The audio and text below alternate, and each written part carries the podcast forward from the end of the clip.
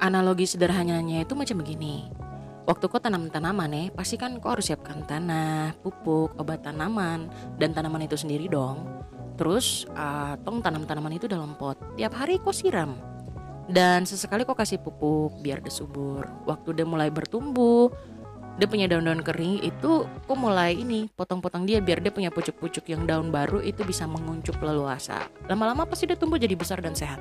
Bayangkan kalau sebaliknya, Kosu malas siram dia, malas kasih dia obat uh, tanaman, pasti dimakan hama dan lain-lain. Dan dia akan tumbuh jadi kurus terenak dilihat, bahkan dia bisa jadi pajangan. Itulah analogi yang sama waktu tong kerja. Kalau kau bikin barang setengah hati yaitu pas deadline baru kau bacakar di tempat, ya hasilnya terakan maksimal. Tapi kalau kau bikin dengan baik, hasilnya akan sangat maksimal dan orang juga akan memandang itu menjadi sesuatu yang berbeda.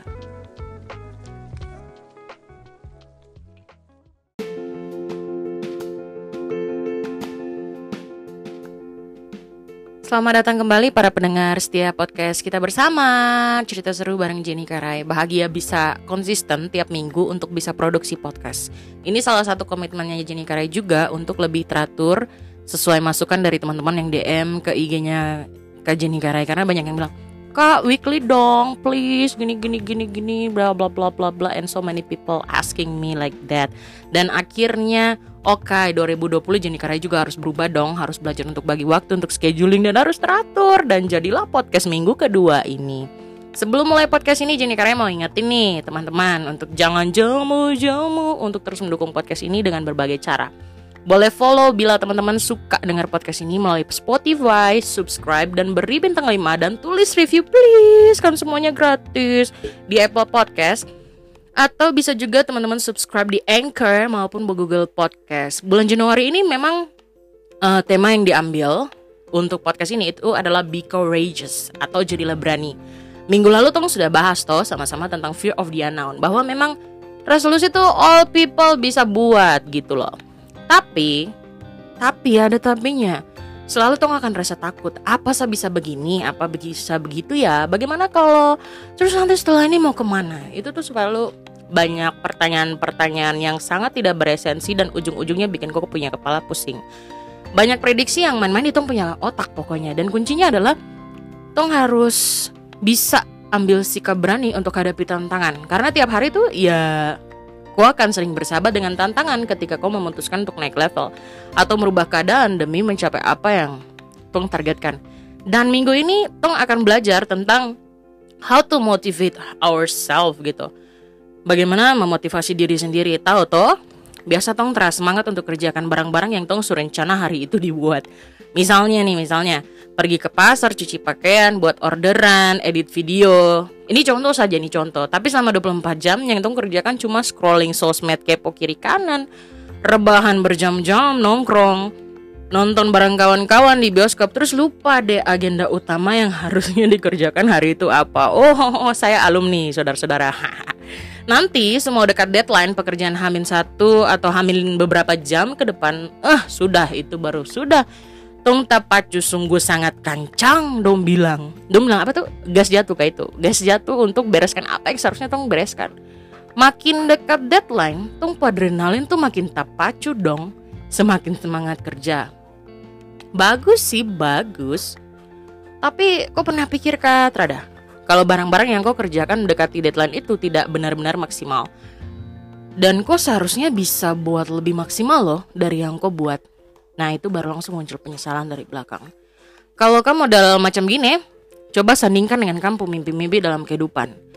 Kelakuan macam gitu tuh, tapi mau punya rumah megah, posisi jabatan tinggi dalam dunia pekerjaan, pengen bisa liburan ke luar negeri, IPK tinggi dan lain-lain Pakai logika saja bro, sis. Barang dia bisa sambung baik kah tidak kalau kelakuan macam begitu? Coba sandingkan dua-duanya. Lama-lama, kok cuma sibuk bermimpi, sibuk menghayal nanti sukses tuh, wih depo enak apa. Tapi ya cuma mimpi doang, sorry itu saya ya teman-teman. Saya tahu teman-teman kamu juga punya pemikiran sama kah tidak? Setiap orang tuh punya waktu 24 jam. 24 jam itu dikasih Tuhan untuk semua orang kalau kau masih biarkan kemalasan membelenggu kau sedemikian kuat, maka tanpa sadar kau sedang buang-buang waktu. Nanti Lihat orang lain capai apa yang kau mau, baru kok iri sabarang kiri kanan bilang Tuhan tidak adil lah.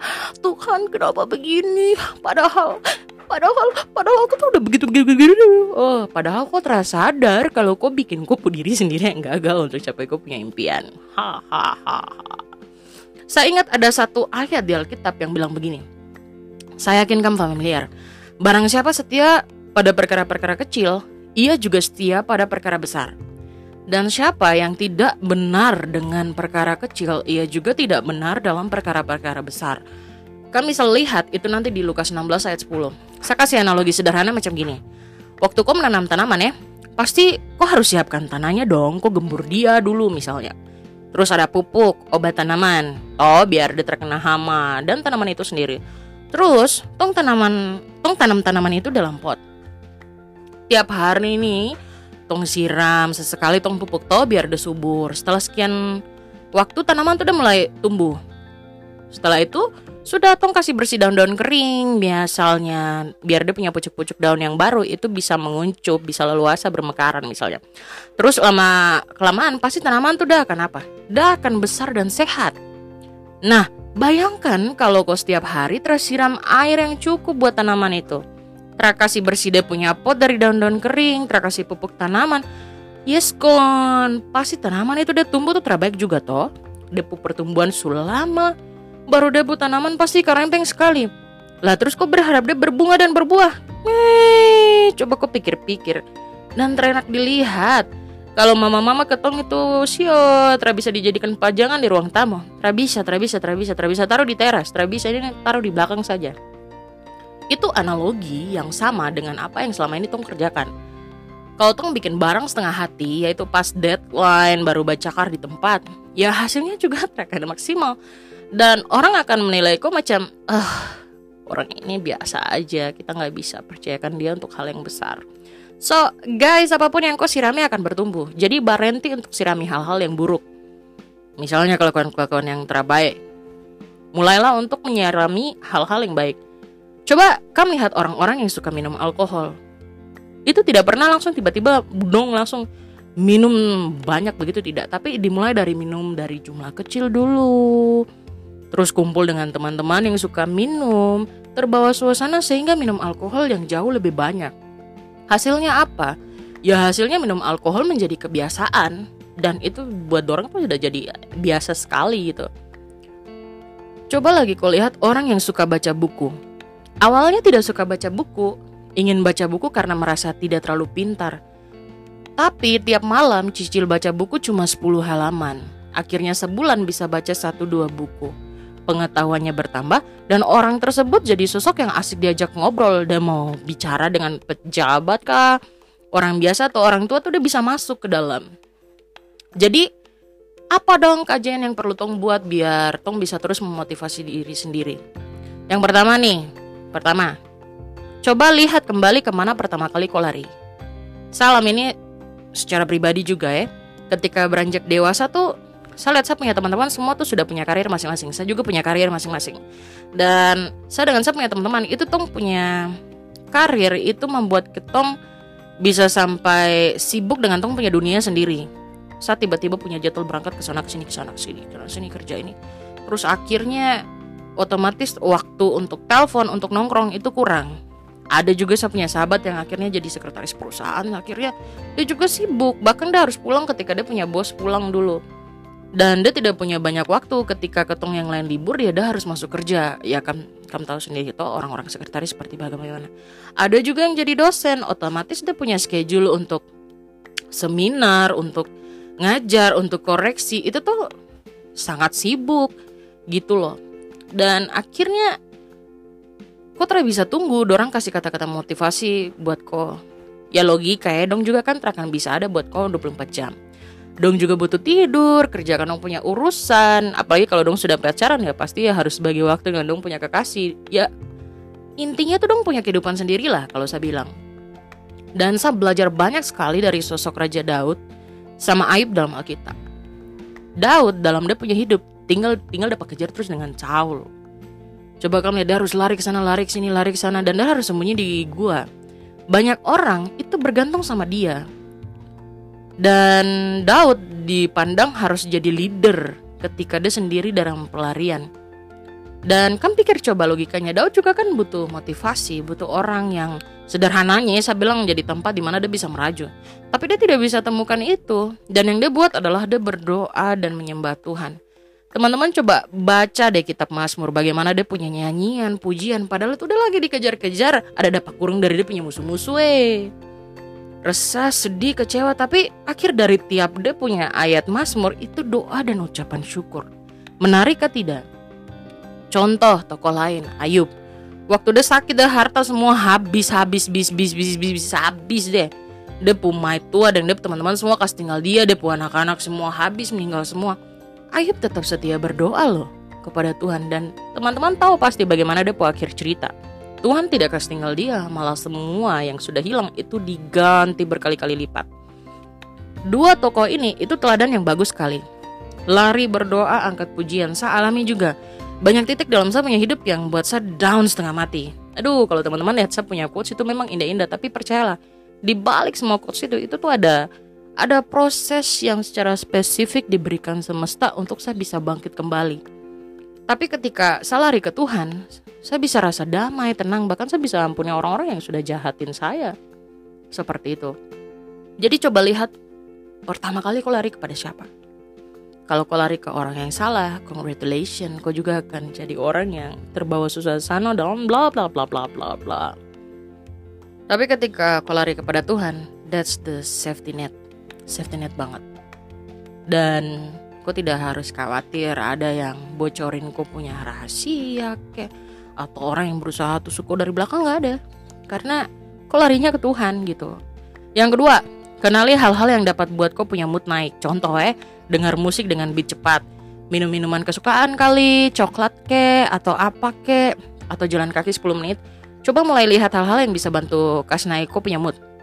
Saya pribadi kalau terambut kerja, saya akan ganti suasana. Biasa saya ke kafe yang dekat dengan pinggir laut dan saya akan pergi ke kafe itu di jam-jam pengunjung itu paling sedikit. Atau saya kerja di pinggir pantai, itu selalu jadi mood booster terbaik untuk kasih selesai barang yang seharusnya saya selesaikan. Dan itu saya pergi sendirian, tidak ditemani siapa-siapa karena saya mau benar-benar konsentrasi kerja dan baca buku misalnya. Ketika saya di luar ganti, uh, di luar kota ya, saya ganti suasana di kafe. Dan kafe yang saya pilih selalu adalah tempat yang tidak terlalu bising. Kalau tidak terlalu bising, saya cari tempat di mana orang akan jarang masuk mungkin karena dia punya harga mahal. Misalnya ini misalnya. Dan saya usahakan ketika saya ke situ tidak banyak orang yang kenal saya. Jadi saya tidak rasa terdistraksi karena beberapa saya punya pengalaman tuh saya duduk di kafe baru duduk ini tiba-tiba ih kejiri kejiri akhirnya ya harus say hi harus uh, apa ya bersosialisasi dan lain-lain akhirnya banyak waktu yang terbuang juga Contohnya kalau di daerah Jayapura itu saya ingat di daerah Santani saya punya tempat kesukaan itu ada tempat makan di pinggir danau. Belakang tempat itu tuh dong punya dermaga pribadi yang menghadap ke danau dan kok bisa taruh kursi, ada mejanya juga dan parkirannya luas. Makanannya mungkin memang tidak terlalu enak, tapi yang saya cari itu adalah suasana hening dan minim distraksi. Karena kalau saya ke sana kan itu tempat yang jarang orang uh, ke sana. Jadi enak banget saya bisa menikmati alamnya, saya bisa dapat konsentrasinya. Itu itu contoh. Bisa jadi uh, yang untuk saya belum berarti perfectly fit buat teman-teman. Dan juga buat teman-teman belum tentu perfectly fit buat saya. Jadi coba untuk cari. Kok tuh kalau mood down kok tuh bisa di dalam tanda kutip diraju-rajuin pakai apa. Yang ketiga visualisasikan kok punya mimpi dengan kok visualisasikan kok punya mimpi otomatis kok akan rasa semangat. Jadi bayangkan dalam kok punya pikiran besok misalnya kok mau lima tahun ke depan atau 10 tahun ke depan jadi apa? Entah itu pejabat kah, pengusaha paling sukses sukses yang punya akses ke mana-mana atau kau punya real estate atau kau mau keliling dunia gratis atau segala macam itu kau bisa visualisasikan. Dan ketika kau punya visual itu kok mulai mulai mulai bangkit kan akhirnya aku semangat. Oh ya kayaknya kalau saya mau diberkati kayak gini saya memang harus kerja keras gitu keempat pecahkan goal besar menjadi bagian-bagian kecil banyak orang yang mau mimpi besar sih tapi bingung mulai dari mana kak satu pengen begini satu pengen begitu tapi satu bingung mulai dari mana ya dia punya cara itu bisa teman-teman tuliskan apa yang jadi kok punya goals tahun ini misalnya terus kasih pecah-pecah dia jadi pekerjaan-pekerjaan yang mudah dilakukan dalam skala-skala kecil. Ketika kau selesaikan, kau tersadar sudah capai kau punya goal besar tadi. Saya lupa judul bukunya. Itu dia punya dia punya buku tuh How to Eat Elephant. Bagaimana makan gajah ternyata ketika dipecah-pecah pecah-pecah kecil-kecil itu possible. Tapi ketika satu kali hal besar itu kau telan tidak bisa karena aku bukan ular cuy. misalnya misalnya seperti itu. Saya kasih contoh. Dia punya contoh macam gini. Misalnya kau ingin bebas dari hutang nih. Berarti kan kau harus cari cara toh bagaimana tiap bulan bisa cicil. Dan tiap bulan kau harus bayar hutang tuh 500 ribu. Maka bagi menjadi 30 hari karena kan sebulan 30 hari misalnya. Terus kau akan temukan hasil pembulatan. Ternyata 500 ribu dibagi 30 berarti 17 ribu lah setiap hari. Jadi setiap hari kau harus bisa bayar hutang 17 ribu. Di sini tong perlu buat uh, to do list setiap malam untuk keesokan, keesokan harinya. Tiap tidak usah kok terlalu banyak banyak to do list dan susah. Buat yang kau mampu selesaikan setiap hari. Apa yang kita lakukan hari ini itu akan berdampak untuk masa depan. Contoh, jika tidak selesaikan tugas hari ini yang harus selesai, besok pasti akan menumpuk. Sama seperti saya buat podcast ini. Saya mau tunda besok, aduh nggak bisa. Karena memang udah di schedule hari Senin. Ya udah berarti mau tidak mau hari Senin cari waktu, cari tempat, cari kemungkinan untuk bisa ngerekam. Dan ingat, obedience opens the door to your future. Patuh selesaikan semua listnya kita, itu akan mendekatkan kita orang dengan tongpu mimpi. Bukankah ketemu semua mau capai tongpu mimpi toh? Kelima, speak faith. Let your words lead your life. Speak with faith. Saat kita mau berubah, ketong punya kebiasaan buruk ya. Jangan biarkan kata-kata buruk tuh keluar dari ketong punya mulut. Contoh, ingin bisa baca buku sebulan sekali, jangan sampai keluarkan kata-kata satu tidak bisa baca buku, satu paling tersuka. Wih, pokoknya sudah sudah sudah sudah ngomong yang jelek. Eh, satu pamal, satu dari dulu memang tersuka buku. Nah, itu akhirnya kok membatasi kok diri sendiri Terus kok mau belajar bahasa Inggris? Aduh Sani goblok dari dulu eh Saka kepala lari sekolah Sudah kalau kelas bahasa Inggris Aduh saya bisa Itu kok sedang batasi kok diri sendiri selam Kalau kok sadari atau kok sadari Kok lagi batasi kok diri Dan akhirnya ya begitu-begitu terus Jadi wacana Pecinta wacana OPW Orang pecinta wacana Ih Akan ada perubahan Jadi Please be careful kata-kata apa yang keluar dari kau punya mulut karena kata-kata yang keluar dari kopi mulut itu kau punya telinga dengar dan otomatis itu direkam lagi. Jadi come on, speak faith, speak something good. Kalau kau ingin baca buku sebulan sekali, siapa sih bisa, siapa sih bisa, siapa sih bisa. Seperti begitu. Dan yang terakhir, kembali lagi saya ingatkan, koreksi inner circle-mu. Coba kau cek kembali, siapa kau konco-konco sungguh mati melekat dekat. Apakah dorang itu kumpulan orang pesimis dan tidak percaya ke mimpi? atau kau berteman dengan orang-orang yang optimis. Karena apa yang Tong pikirkan dan putuskan itu biasa diambil dari Tong punya orang-orang terdekat. Kalau belum punya gimana? Cari orang-orang yang kau nyaman sharing sama dorang. Dan kau yakin bahwa dong tipikal orang yang akan motivasi kau, bukan orang yang judge kau atau malah buat kau down dan dukung kau punya kepala, kemalasan. Oke, itu tadi berbagai tips yang bisa Jenny Karai bagikan ketika aku punya mimpi dihadang dengan malas, mager, badai, LLL. Sampai di sini dulu podcast cerita seru Jenny Karai. Nanti tong sambung minggu depan dengan pembahasan yang seru tentunya. Kalau teman-teman punya masukan dan testimoni setelah dengar podcast ini, jangan sungkan-sungkan atau malu hati buat DM di Instagram Jenny Karai. Saya akan sangat senang sekali baca kamu punya testimoni. Oke teman-teman, have a great day, tetap semangat. Tetap ceria, tetap manis, stay hydrate bersama Jenny Karai. Dadah semuanya.